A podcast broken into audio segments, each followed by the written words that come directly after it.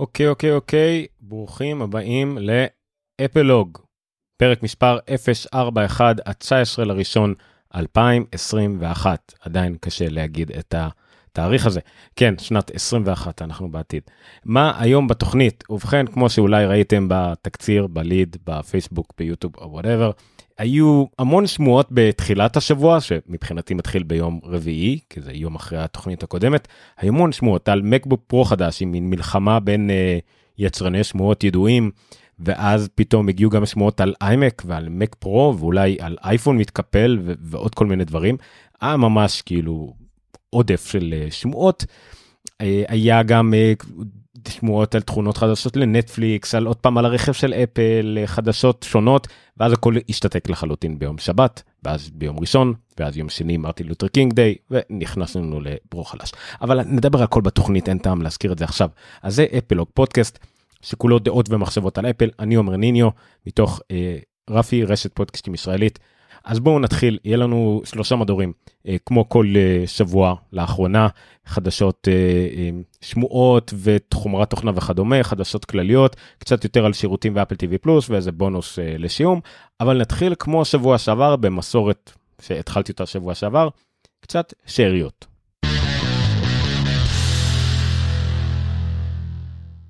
אז השאריות היחידות שיש לנו השבוע זה מתוך ידיעה שהייתה אמורה להיות שבוע שעבר. שבוע שעבר אמרתי שב-CBS uh, עלו ואמרו שברביעי בבוקר טים קוק התראיין ואלו ידיעות uh, חדשות, uh, חדשה מרגשת, חשובה מאוד, שלא קשורה למוצר חדש.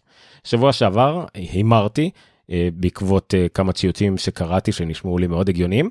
שזה יהיה לגבי לארח חיסונים, זאת אומרת נתינת חיסונים בחנויות של אפל, שכרגע הם חללים ריקים, אין בהם כלום, אפל יכולה אולי בקלות יחסית לארח שם חיסונים, זה לא המקומות שהכי הרבה צריכים את זה, כן, זה חנויות יוקרתיות והכל, זה לא אוכלוסייה שצריכה איזה משהו מיוחד, ככה אמרו. ובכן, אה, טעיתי, טעינו, טועים, כולם, נראה לי, אבל, ואפל הציגה אה, משהו אחר לגמרי. היא הציגה עדכון לתוכנית שלהם, אה, התוכנית לקידום שוויון גזעי, וצדק חברתי, גזעי, אין מה לעשות, זה רייסל, זה לא, גז... לא גזעני, אני לא יודע, לא אוהב להגיד את המילה הזאת, אבל כן, לקידום שוויון גזעי וצדק חברתי. הם תרמו כבר 100 מיליון, מיליון דולר השקעה וכרגע הם uh, פירטו והוסיפו את מה שהם כרגע ממשיכים לתרום. היוזמות החדשות שהם uh, הציגו זה מרכז חדש באטלנטה, אה, כל האוניברסיטאות והמכללות שהן שחורות במרכאות, זאת אומרת שהן אה, היו בעבר שייכות למשהו שהיסטורי נקרא אה, שחורות, יש לזה המון ראשי תיבות, הם אוהבים, ראשי תיבות שם, אני לא אתעכב על זה. אז זה מין מקום שבו הם יוכלו לרכז את כל הרעיונות שלהם, לעלות על רעיונות חדשים לקידום אה, ההשכלה לאוכלוסייה החלשה יותר בארצות הברית וכדומה. אה, בנוסף, יקימו אקדמיה למפתחים בדטרויט, Developer Academy זה הראשונה בארצות הברית, יש לה כמה בעולם בכל מיני מדינות, אה, גם באיטליה. אז זאת, למשל, זה פשוט מה שאני זוכר. אה, אז זו הראשונה שתהיה בארצות הברית, היא תהיה בדטרויט, היא תעודד כמובן אה, תושבים מקומיים, משהו כמו אלף סטודנטים, אלף בוגרים בשנה שיוכלו ללמוד לפתח.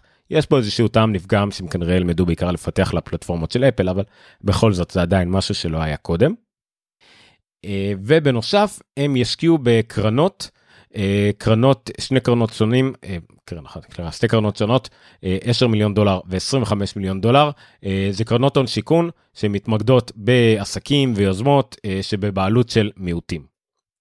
אפל הציגה את הכל, הודעה מפורטת מאוד uh, לעיתונים, uh, מי שצופה בנו, הפודקאסט הזה מועבר גם ביוטיוב ופייסבוק בשידור חי, מי שצופה יוכל לראות, מי שלא, הכל יהיה בכישורים של הפרק, שדרך אגב נמצאים באפלוג, applog.rafi.media, קו נטוי 041. אז יהיה שם. אז הם הציגו את זה, uh, מי שתהיה אחראית על כל התוכנית הזאת היא מישהי כבר הסגנית נשי לעניינים חברתיים, ליסה זקשון. אה, יוזמה מאוד מבורכת, כמובן שהם 100 מיליון דולר, מישהו חישב וראה שאפל הרוויחה את זה בשמונה וחצי דקות, אה, אבל עדיין, זה, שוב, זה קרנות, זה השקעות שהן לטווח ארוך.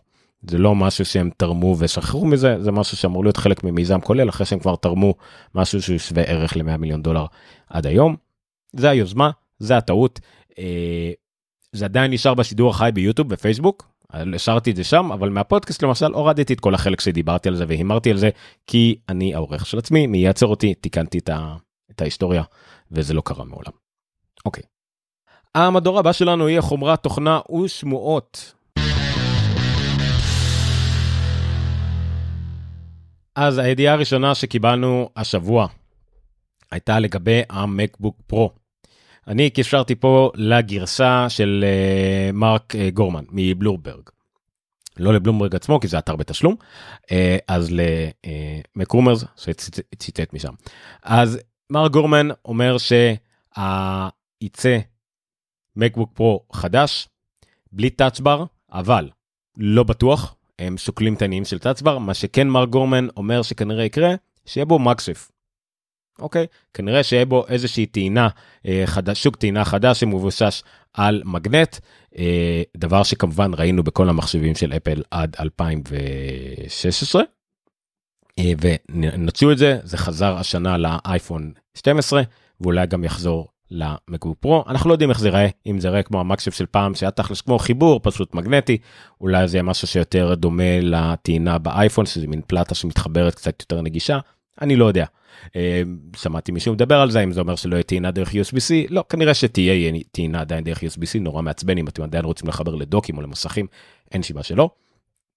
אה, זה דבר נוסף לגבי הטאץ בר מר גומן אומר שזה בכלל לא בטוח הם בודקים יש להם אה, עבי טיפוס עם ובלי למה אני אומר שמרגומן לא בטוח ואולי מישהו אחר כן? אז כי היה גם את מינצ'יקוו מינצ'יקוו הוא עוד הוא אנליסט בכלל. הוא אנליסט שמתעסק אה, אה, בסין הוא נמצא שם במרקט הוא יודע מה קורה במפעלים ומדווח את זה לפירמה שלו. שכחתי בדיוק איך קוראים לפירמה כדי להגיד למשקיעים אם כדאי להם להשקיע באפל או לא. מינצ'יקוו באופן כללי צודק הרבה פעמים בעובדות אבל לא צודק בלוח זמנים כמעט אף פעם ולא תמיד צודק על הנקודה. זאת אומרת יוצא לפעמים מקרים שמישהו אה, שמשהו אמר לא יצא לפועל ואז אחרי כמה חודשים או שנים מתברר שזה היה על הפרק אבל זה אף טיפוס שלא הוציאו בסוף. זאת אומרת הוא יודע דברים הרבה זמן מראש דברים שבאים לו מהפס ייצור אבל הוא לא יודע באמת אה, אם זה יצא בטוח מתי זה יצא איך יקראו לזה או מה המחיר של זה דברים אלו בכלל לא יודע. אבל הוא עדיין הוא מאוד מדויק בשאיפות קדימה במיוחד אם זה טווח יחסית קצר. אז פה יש מין ויכוח בינו לבין מר גורמן. אה, עיקר הוויכוח הוא בעיצוב, מינצ'יקו אומר שהעיצוב החיצוני יהיה מאוד דומה לאייפון החדש ולאייפד פרו, אה, זאת אומרת אה, זוויות ישרות כאלה וכדומה. מר גומן בכלל לא בטוח, הוא אומר שזה ייראה פחות או יותר כמו המקבוק פרו הנוכחי. אין סיבה שלא, אין מה להחליף. מקבוק פרו הנוכחי, הכוונה היא למקבוק פרו 16 אינץ, לא הנוכחי ה-13 אינץ. מה לגבי איזה גדלים זה, הם לא מדברים יותר מדי, זה כנראה יהיה משהו בדומה, שוב 14 אינץ אולי, חידוש ל-16 אינץ. אה, לא יודע בדיוק לגבי הגדלים אבל זה השמועות שיש לנו כרגע על מקבוק אה, פרו. זה הכל. הידיעה הבאה זה לגבי עוד שמועות מר גורמן הפציץ כנראה הוא הרגיש שמינצ'יקו מתחיל אה, להוציא כמה דברים והוא רצה לגנוב לו את התהילה אז הוא מיד הוציא דברים אחרים. הנה זה הידיעה של מינצ'יקו סליחה צירפתי אותה גם למי שרוצה. אה, כן 14 אינץ' ו-6 אינץ' מינצ'יקו אומר הדיזיין מאוד דומה לאייפון 12 המקסייף הטאצבר ייעלם אה, כמובן שלא יהיה אינטל סיפיוס זה בערך כמו להודיע שמחר האמת שלא יודע מה יהיה מחר מבחינת מזג אוויר אנחנו בישראל הכל יכול לקרות אבל לא משנה. אה, ושוב יהיה עוד IO הוא אומר אולי SD card יהיה USB-A אני לא מאמין אני חושב שעדיין יהיה רק USB-C ומקסייף. אולי אולי סמארט קונקטור אולי איזושהי קומבינה אחרת אבל אני לא יודע זה קיצור זה מה שמינציקו אומר. אבל בואו נעבור לידיעה אה, מרגומון הוציא גם על נייחים. או פה זה כבר נהיה מעניין. מה יש לנו פה? קודם כל איימק. איימק בעיצוב חדש איימק זה המוצר שצריך הכי הרבה אה, רענון בליינאפ של אפל. אמנם ב-2012 היה רענון לעמקים וקיבלנו את העמק שאתם רואים אה, פה מאחורה מי שמצליח לראות או מה שאתם רואים על המסך. מה שתראו בלינק העמק שלפחות מקדימה לא השתנה כמעט מ-2008 ב-2012 עשו אותו קצת יותר דק אה, אה, אמור להיות קצת יותר עברור יותר טוב רמקולים יותר חזקים אבל על פניו הוא לא השתנה כמעט בעיצוב שלו אלומיניום עם מסגרת שחורה והכל מ-2008. אז המוצר שחרר בצריך רענון ואומרים שהוא בהחלט יקבל רענון שדומה לפרו דיספליי XDR למסך המאוד מאוד יוקרתי של אפל. אמ, לגבי מה יהיה בפנים לא ידוע אבל שוב כנראה זה יהיה משהו שילוב של ה-M1 אה, עם איזושהי וריאציה יותר חזקה.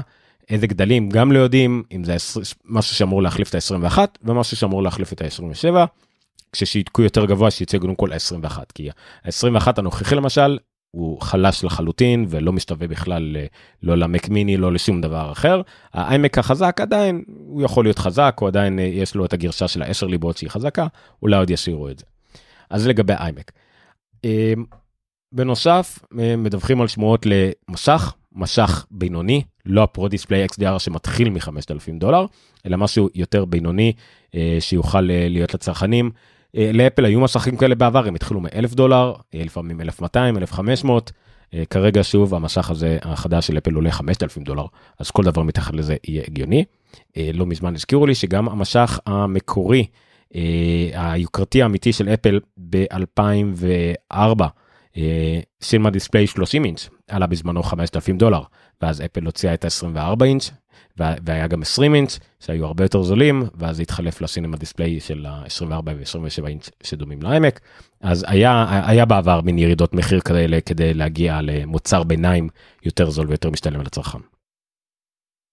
בנוסף לאיימק ולפרו דיספליי XDR הקטן יותר בינוני יותר על הצרכן יותר הוא גם מדווח מר גורמן זה הוא על מק פרו חדש עכשיו זה נראה כאילו הוא מנסה לכסות את כל הבסיסים פה זאת אומרת שלא יוציאו אותו שהוא טעה או משהו כזה אבל עדיין יכול להיות מאוד שיצא שני סוגים של מק פרו.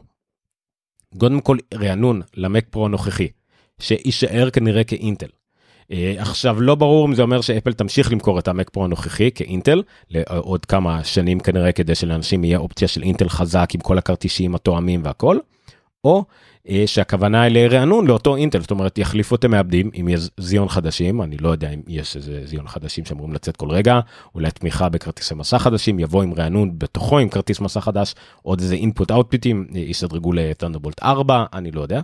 אז זה כנראה ה form factor הצורה של המק פרו תישאר תישאר כמה שאנחנו מכירים היום כמק פרו אבל בפנוכו ישנו כמה דברים שיהיה יותר חזק לאינטל אני לא חושב שאפל אף אחד לא חושב כמעט שאפל במעבדים שלה באפל סיליקון שלה מגיעה עדיין לרמה שיכולה להחליף את המק פרו על כל ה-24 ליבות שלו וטרה וחצי רם וכל הדברים האלה עדיין לא אז היא תשאיר את האינטל כתחנת עבודה חזקה לאנשים שצריכים את זה שלא מחליפים מחשב שנים שצריכים ספציפית את היכולות של אינטל ואת הכרטיסי מסך המורכבים והאחסון הענק כל אלה זה כנראה יישאר אבל.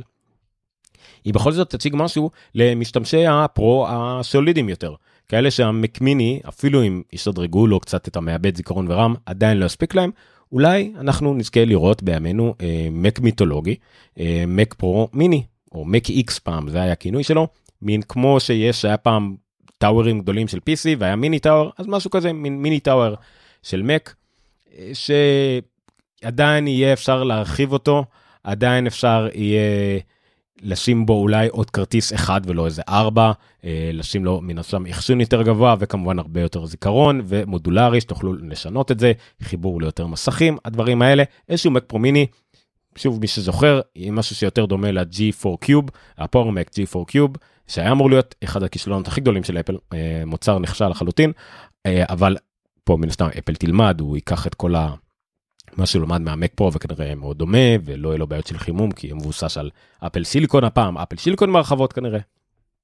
אז כנראה אפל תסיר את המק פרו אינטל החזק לכל השימושים החזקים ותציג מין מק פרו עם אפל סיליקון עם m1x m2y mc בריבוע אני לא יודע אה, ותציג אותו כמין זה הגרשה שלה לפרו המודרני מבוסס על המעבדים שלה שהוא כרגע יהיה סבבה ובעתיד הוא יהיה הדגל הוא יהיה הדבר האמיתי. זה כנראה מה שיקרה. אז זה בינתיים מה שהם מציגים שם, נחיה, זה, זה ממש זמנים מעניינים. המקבוק פרו 16 אינץ אה, צריך לקבל רענון בקרוב, אני מאמין, אבל אני לא חושב שזה לחוץ.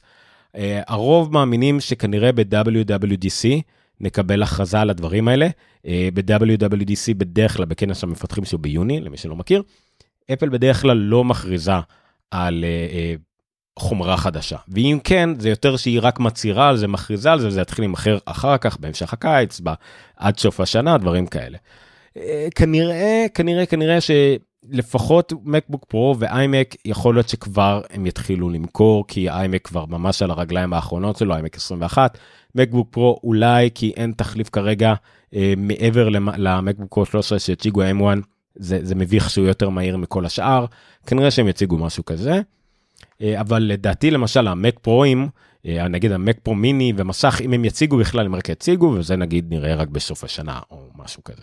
זה לפחות ההשערה שלי, כשכאמור, כמו שנשאלתי מקודם, כנראה במרץ-אפריל אולי נראה עוד איזה משהו, אירוע סולידי יחסית של נגיד אייפד, אוזניות ואיירטאגס וכאלה, לא בטוח, אין באמת את המושג הזה אירועים יותר, הכל וירטואלי, אז אני לא יודע בדיוק מה נראה, אבל אה, סביר להניח שזה ה timeline, אם יהיה משהו זה בערך יהיה ה timeline, לא, לא יפתיעו אותנו יותר מדי. נעבור לעוד שמועה, אנחנו עוברים כמעט על כל ה lineup של אפל, עברנו מהניידים לנייחים, נעבור עכשיו לסלולרי. ידיעה שכמובן כולם קפצו עליה, כולם שמחו להגיד, אפל מוציאה אייפון מתקפל, מקנאה בסמסונג וכדומה. לא, אפל לא מוציאה אייפון מתקפל, למרות שיש גם כמה אתרים ישראלים שיטענו שכך, שזה אימיננט, אבל לא. אפל בודקת כרגע טכנולוגיות למסך מתקפל, זאת אומרת רק המסך, רק ה-OLED כנראה, אה, הלוואי מיקרולד, אבל כנראה שלא, אה, OLED כנראה, איך אפשר לקפל אותו, מה התצורות הכי טובות, אם זה יהיה פנימי, חיצוני, איך ייראה הכפל, איך איפה שמים את המגעים, כל הדברים האלה, היא בודק, בודקת את הדברים האלה, יש להם הרבה אהבי טיפוס לנושא הזה, אין עדיין, עד כמה שבלומברג אה, ומר גורמן אומרים, אין עדיין אב טיפוס מתפקד בכלל עם מסך מתקפל, זאת אומרת המסכים מתפקדים, אין אב טיפוס עם מסך. בכל מקרה אנחנו כנראה רחוקים ממשהו כזה רק ב-2022, זאת אומרת סוף 2022, זאת אומרת עוד שנתיים, אולי נראה משהו כזה.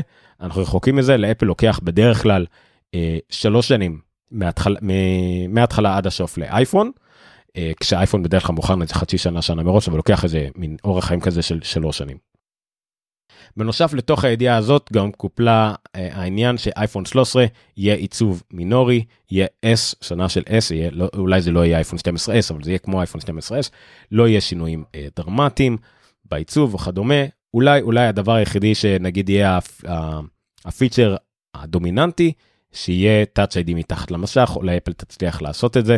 בנוסף למסכים ששמענו שהם יביאו המוסכים אה, של סמסונג מיוחדים עם 120 הרץ הם כן יצליחו סוף סוף לייצר בכמות. אולי הם יצליחו גם לעשות אותם touch ID מתחת למסך. אולי כמו באייפדים הם יעשו את ה-touch ID בסוף דווקא בכפתור. משהו אבל שיתאים לתקופה למשכות וכדומה. זה אולי הפיצ'ר. כרגע אין להם יותר מדי מה לשנות, הם השקיעו המון באייפון 12, אה, גם להעביר את הכל לאולדים, גם ה-5G, היה ידיעות על זה שה... אייפון עולה לייצור, אייפון 12 עולה, עולה לייצור בין 20-30 אחוז אפילו יותר מאייפון 11. אם שאלתם מעצמכם למה הם הוציאו את המתן מהקופסה זה כדי לכפר על ההפסד ברווחים האלה. אה, אז אנחנו לא כל כך אה, בטוחים שזה יצא אבל אם כבר זה כנראה יהיה הפיצ'ר יותר מזה אל תצפו לאיזה שנה מדהימה למרות שזה השנה כנראה שאני אחליף את האייפון אבל אה, בסדר S שום דבר לא רע ב-S למה לא.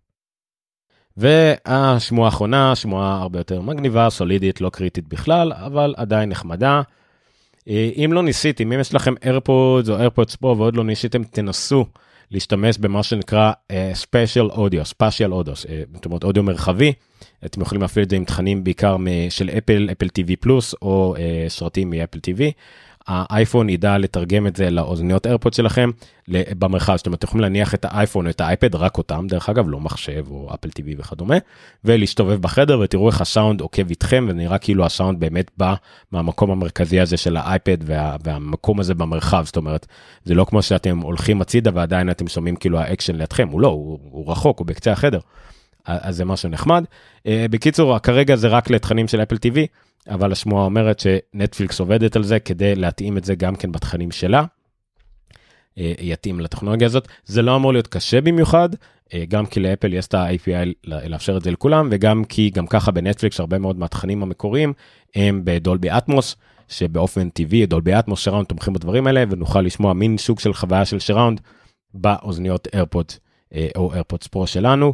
אמ, שוב זה קצת מבאס שזה כרגע זמין רק למכשירים אייפון אה, ואייפד אה, למרות שנגיד באייפד אין את ה-U1 שכביכול אמור לאפשר את זה אבל עדיין לא ברור אה, בכל מקרה נקווה שזה גם יגיע לדברים אחרים כמו נגיד אפל TV שזה יהיה מגניב כרגע לא. אבל אם זה יגיע לנטפליקס מעולה. נעבור לחדשות הכלליות וכבר ספוילר אני נכנסתי לשם תכלס גם שמועה אבל uh, הייתי צריך uh, לנפח קצת את המספרים בחדשות הכלליות וגם ככה זה לא באמת שמועה זה.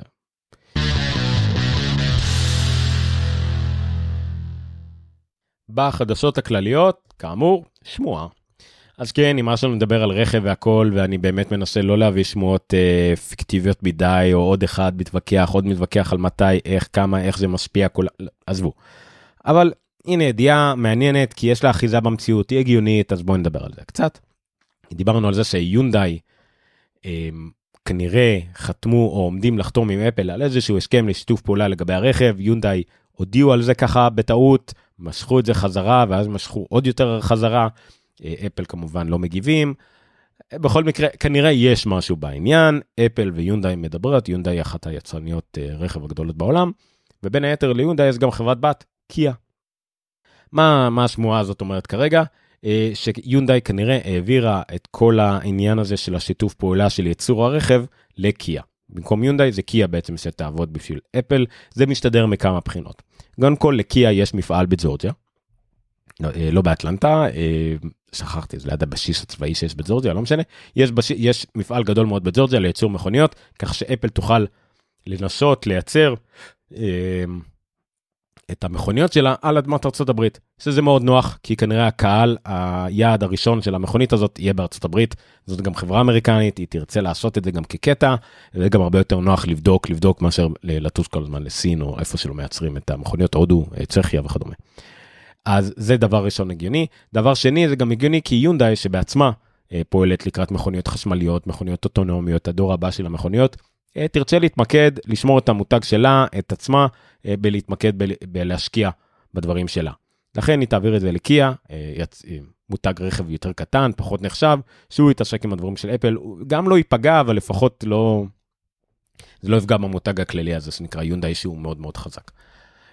אה, אז זאת השמועה, אה, אין סיבה לא להאמין לה ברמה כזאת או אחרת, זאת אומרת, אין ספק שמדברים על זה כנראה, אבל אנחנו עדיין רחוקים, נגיד 4-5 שנים לפחות, מאז שנראה אולי רכב ראשון של אפל על כביש כלשהו באיזושהי אה, בדיקה אמיתית או משהו כזה, מה שנקרא אב טיפוס או הראשונים שיוצאים. אה, אבל בכל מקרה, ידיעה מעניינת, תוספת מעניינת לכל מה שאנחנו שומעים על רכבים ואפל לאחרונה. עוד חדשה כללית אה, אחת, אה, היא אולי לא רחוקה, היא ממש עכשיו, אבל לא רלוונטית לארץ באותה מידה. אפל הוסיפה למפות שלה אה, שיתוף פעולה עם שירות שנקרא Volunteer Match. Volunteer Match זה שירות שמאפשר למתנדבים, משדך אותם עם מקומות שצריכים מתנדבים, מקומות להתנדבות. אז אפל הוסיפה לתוך המפות שלה, כמו שיש שכבות מידע וכדומה, הוסיפה גם אותם כשכבת מידע, אה, ותוכלו במספר ערים, אה, לא, לא הרבה ערים בארצות הברית, אני חושב שיש פה את הרשימה, כן, יוסטון, ניו אורלינס, אטלנטה, שיקגו, מיאמי, לוס אנג'לס, די.סי, סן פרנסיסקו, ניו יורק סיטי, בוסטון וסיאטל. אה, לפחות חלק מהן אולי ערים שצריכות הרבה מתנדבים, זה גם ערים מאוד גדולות בארצות הברית. אז תוכלו למצוא במפה, תוכלו למצוא מקום להתנדב בו, עם הפרופיל של מתנדב שלכם, וזה ישדך ביניהם. שוב, אפל לא הייתה חייבת לעשות את זה, זו עוד שכבת מידע, אפל לא נוטה להכניס יותר מדי דברים למפות שלה, אה, המלצות על מקומות, דברים כאלה, אז הנה היא הוסיפה את זה מוולונטיר מאץ', אז זה מאוד מגניב לדעתי, וזאת הידיעה השנייה שיש לנו במדור הזה, נעבור למדור אחר, אופטימי, שירותים ואפל TV, כמה ידיעות דווקא מאוד אה, נחמדות שמה. אז בואו נמשיך.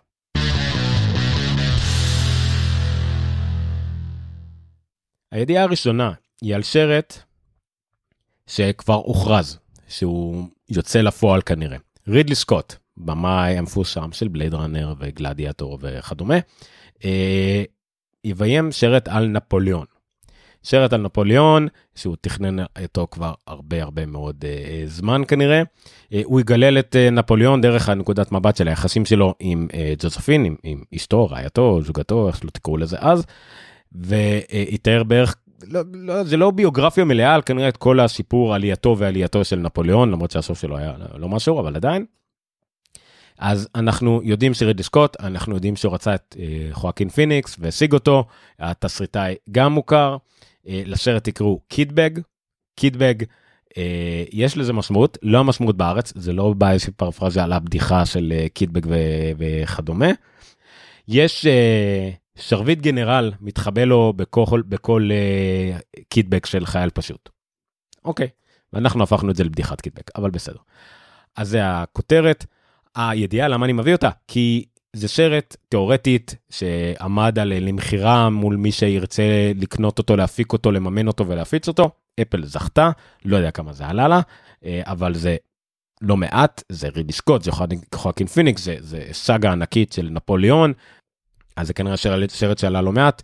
והוא יתחיל כנראה את הצילומים שלו, את ההפקה שלו רק ב-2022, אנחנו עדיין רחוקים מזה, אבל זה עדיין עוד צעד מאוד חשוב של אפל, דריכת רגל שלה מאוד חשובה בתחום הזה של סרטי קולנוע מפוצצים, אחרי שהיה לה כבר את, אה, אה, יש לה כבר את מרטין סקורסזה, היה לה את תום הנקס, סופיה קופולה, אה, באמת big shot, סרטי קולנוע שהיו אמורים להיות בקולנוע, אין לנו קולנוע, אבל הם בסטרימינג, וזה אפל קנתה לפחות. שוב, יכול להיות שהם עדיין יצאו בקולנוע כדי, בשביל אוסקרים, בשביל עדיין הילה והכל, כרגע אין קולנוע, אז אין על מה לדבר, אבל בסדר.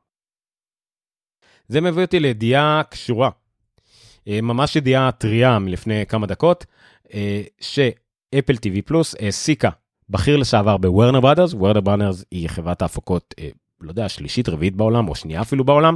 וורנר בראדרס אחראים לכל DC, ה-DC universe בקולנוע, וונדר וומן וכדומה.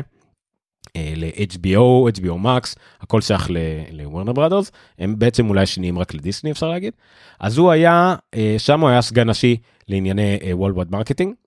הוא למשל עזר להפיץ, לשווק את הכל מוונדר וומן ועד הסרטים של Lego Movies אם אתם זוכרים, אה, הג'וקר, המון סרטים, המון דברים גדולים שהוא עזר לתכנן את האסטרטגיה ושיתופי הפעולה להפצה שלהם ולפרסום שלהם בעולם. ועכשיו הוא מצטרף לאפל כסגן נשי, שוב סגן נשי לענייני שיווק קולנוע, לשיווק שרתי קולנוע ספציפית. זאת אומרת הוא ינצל את הידע שלו, יש לו ידע של 19 אה, שנים בעולם הקולנוע. והוא ינצל את זה בעולם של אפל, הוא יענה רק למי שאחראי באפל באופן כללי בכלל על, על שיווק תוכן, אה, והוא יהיה אחראי על הקולנוע בתוך התוכן הזה. יש איזה כמה חבר'ה שבאו מסוני וכדומה שאחראים על הטלוויזיה, הוא אחראי על הקולנוע. זה חתיכת big shot שאפל משיגה עם כמה שאולי קל לצחוק על וורנר וורנר בראדרס עם הבטמן וליגת הצדק והכל הם עדיין הכניסו מיליארדים כן אז הנה שמו דרך אגב לא אמרתי ג'יי פי ריצ'רדס. בכיר חדש באפל העניינים האלה. וידיעה אופטימית בעולם הזה של השירותים כמו שאנחנו אוהבים.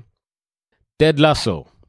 לא שזה מפתיע אף אחד, טד לאסו, סדרה גאונית, מעולה והכל, מועמדת לשלושה פרטים בפרס אה, מבקרי, אה, איך נקרא לזה? Critics' Choice Awards, אוקיי? הבחירת המבקרים. אה, זה פרס די, נבח... די אה, נחשב, אין לו איזה טקס אה, live בערוץ שלוש וכדומה, זה לא אמי, אה, גלובוס הזהב, אה, אוסקר וכדומה, אבל עדיין זה טקס מאוד נחשב של מבקרים, יש לו הילה של איכות, ו... טד לאסו מועמד לשלושה פרסים, לקומדיה הכי טובה של השנה, לשחקן הראשי כמובן הכי טוב של השנה, ג'ייסון סודייקיס בתור טד לאסו, וגם לשחקנית המשנה אה, הטובה של השנה, אה, השחקנית ששיחקה את בעלת הקבוצה, אה, זאת שקיבלה את הקבוצה בהסכם גירושים, לא משנה, לא, לא, לא עקרוני כרגע. הנה וודינגהם, היא משחקת גם בשקס אדוקיישן ועוד כל מיני סדרות, מעולה. כל הסדרה הזאת מעולה אבל באמת הביצועים שלהם מעולים הייתי, הייתי אפילו מעמיד אה, גם את השחקנית משני השנייה דרך אגב לפרסים גם היא שיחקה מעולה. אבל פה אין ספק.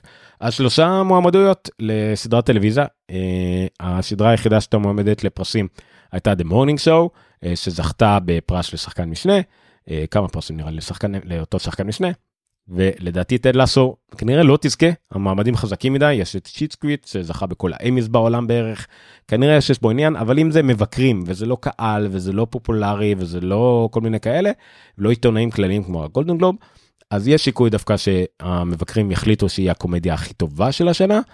אם היא תקבל את הפרס או הכל, אני לא יודע, אבל אה, בואו נקווה, כאילו, למה לא? למה לא? וידיעה אחרונה, גם היא מאוד אופטימית. אם יש לכם אפל TV פלאס עדיין בגרשת הניסיון, זאת אומרת אם קניתם מכשיר בנובמבר 2000 ו... אה, סליחה אפילו בספטמבר 2020 קניתם מכשיר אפל TV פלוס התחילה בראשון בנובמבר קיבלתם מנוי חינם לשנה באפל TV פלוס אז המנוי הזה ימשיך לכם עד יוני. זאת אומרת יותר משנה וחצי שנה ושמונה אה, של תוכן חינם מאפל TV פלוס לא משנה כמה תלונות, יש לכם על כמות, כמות התכנים וכדומה זה חינם לכמעט שנה וחצי. אה, אני בהתחלה כעסתי כי אני אה, שדרגתי לאפל 1 לחבילת לבנדל שכולל גם את אפל TV פלוס אז מה אני לא נהנה מהחינם הזה למרות שמגיע לי קניתי מכשירים אני עדיין קונה אז מתברר שאני אקבל 5 דולר זיכוי כנראה עד יוני אם מגיע לכם אם אתם אמורים לקבל את החינם הזה גם ככה הייתם אמורים לקבל עד עד סוף החודש משהו כזה אז אתם כנראה תקבלו בשבועות הקרובים בשבועיים הקרובים תקבלו מייל שאומר על זה או שזה אוטומטית יחודש לכם אז אפל TV פלוס חינם עד יוני. יפה. אה, אין לזה באמת סיבות נראה לי גדולות מדי לא יודע אם אפל תכריז משהו על יוני לא יודע מה יהיה.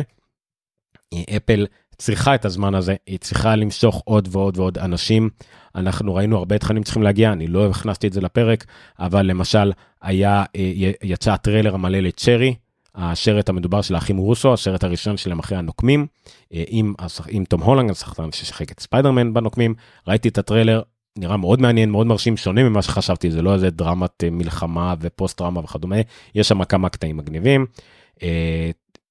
טד לאסו אנחנו יודעים שהוא אושר לעונה שנייה ושלישית יצא טריילר המלא ל-For All Mankind הסדרה שלהם על הסדרת חלל על המציאות אלטרנטיבית. שאני מאוד אהבתי ממש השבוע רק סיימתי לראות את העונה הראשונה וממש חודש הבא אה, עולה העונה השנייה ואישרו אותה גם לעונה שלישית. אה, גם אה, שכחתי גם סדרת האימה שלהם נצמלן יצא עם טריילר חדש דיקנסון יצא החודש עם עונה חדשה. יש מלא תכנים. יצאו גם סרטי קולנוע שאמורים לצאת בחודשים הקרובים. המון תכנים לילדים מעניינים עם Peanuts הסדרה החדשה אמורה לעלות של סנופי.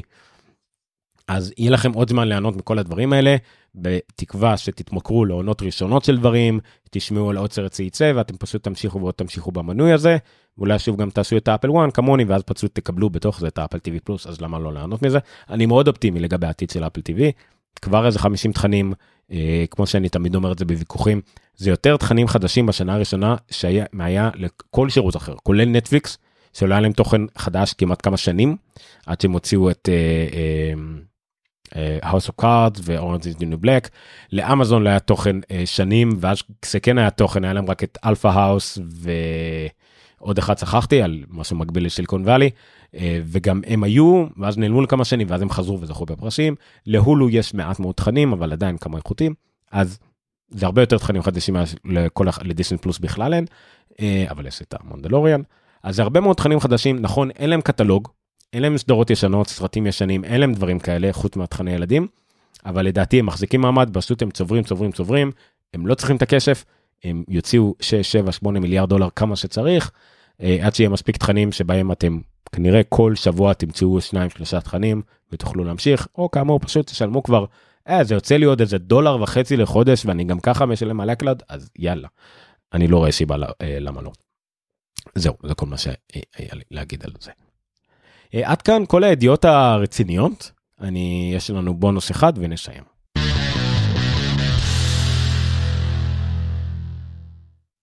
הבונוס זה סתם איזה טריק מגניב, אה, הרוב מכירים אותו, אה, אבל זה שימוש של ה Apple Watch שיש לכם כ-viewfinder, כעינית לאייפון.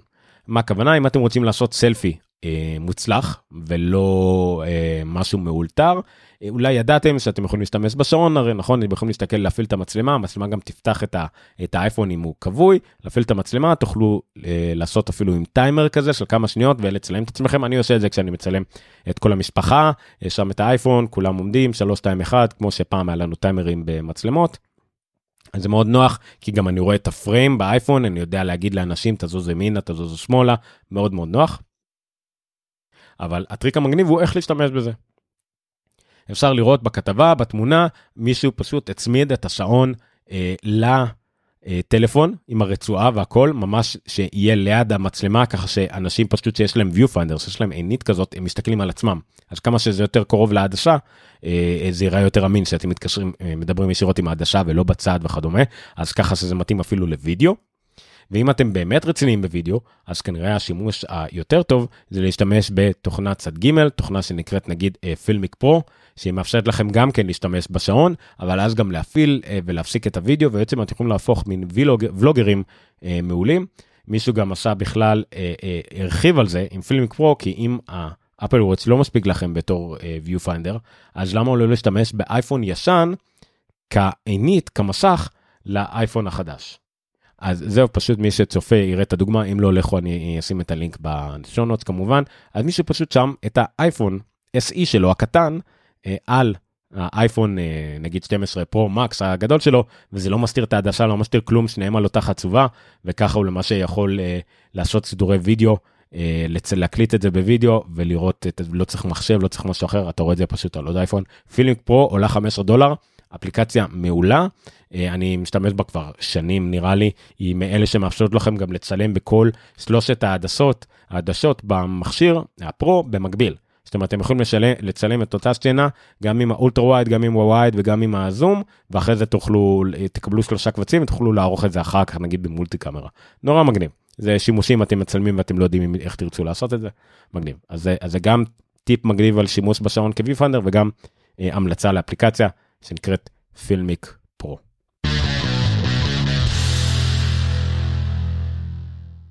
אוקיי, אפלוג 041 19 לראשון 2021 הגיע לסיומו, דיברנו על 10, אה, רימיתי 11 אה, ידיעות אה, של השבוע. כל שבוע אנחנו מדברים על חדשות אפל בשידור חי כל יום שלישי ב-10. הפרק עולה לכל נגני הפודקאסטים ברביעי בלילה, לפעמים 8, לפעמים 9, לפעמים 10, רוב האנשים גם ככה מאזינים לו בחמישי בבוקר.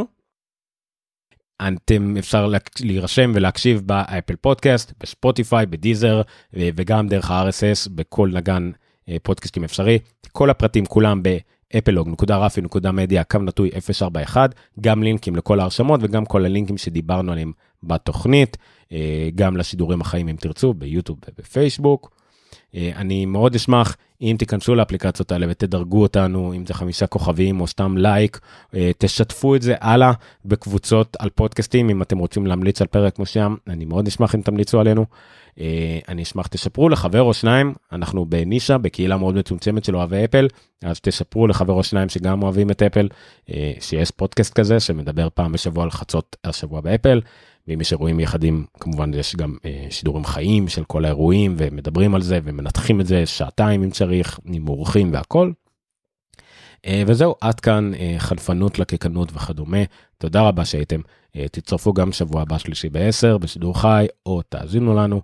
אה, אני עומר ניניו חפשו אותי בכל הפלטפורמות יש אפלוג בטלגרם אני לא חושב, אי אפשר לחפש את זה יותר, אז בכל ידיעה בפייסבוק אני מצרף את זה, זה גם יהיה כמובן בתיאור הפרק, אפלוג בטלגרם, קבוצה מאוד נחמדה, מאוד פעילה, אה, ובכל מקום אפשרי אחר אנחנו בערך נמצאים, טוויטר, פייסבוק, טוויץ', אה, דיסקורד וכדומה. לילה טוב, תודה רבה, ותרגישו טוב, שמרו על עצמכם, שימו מסכות וסגר נעים.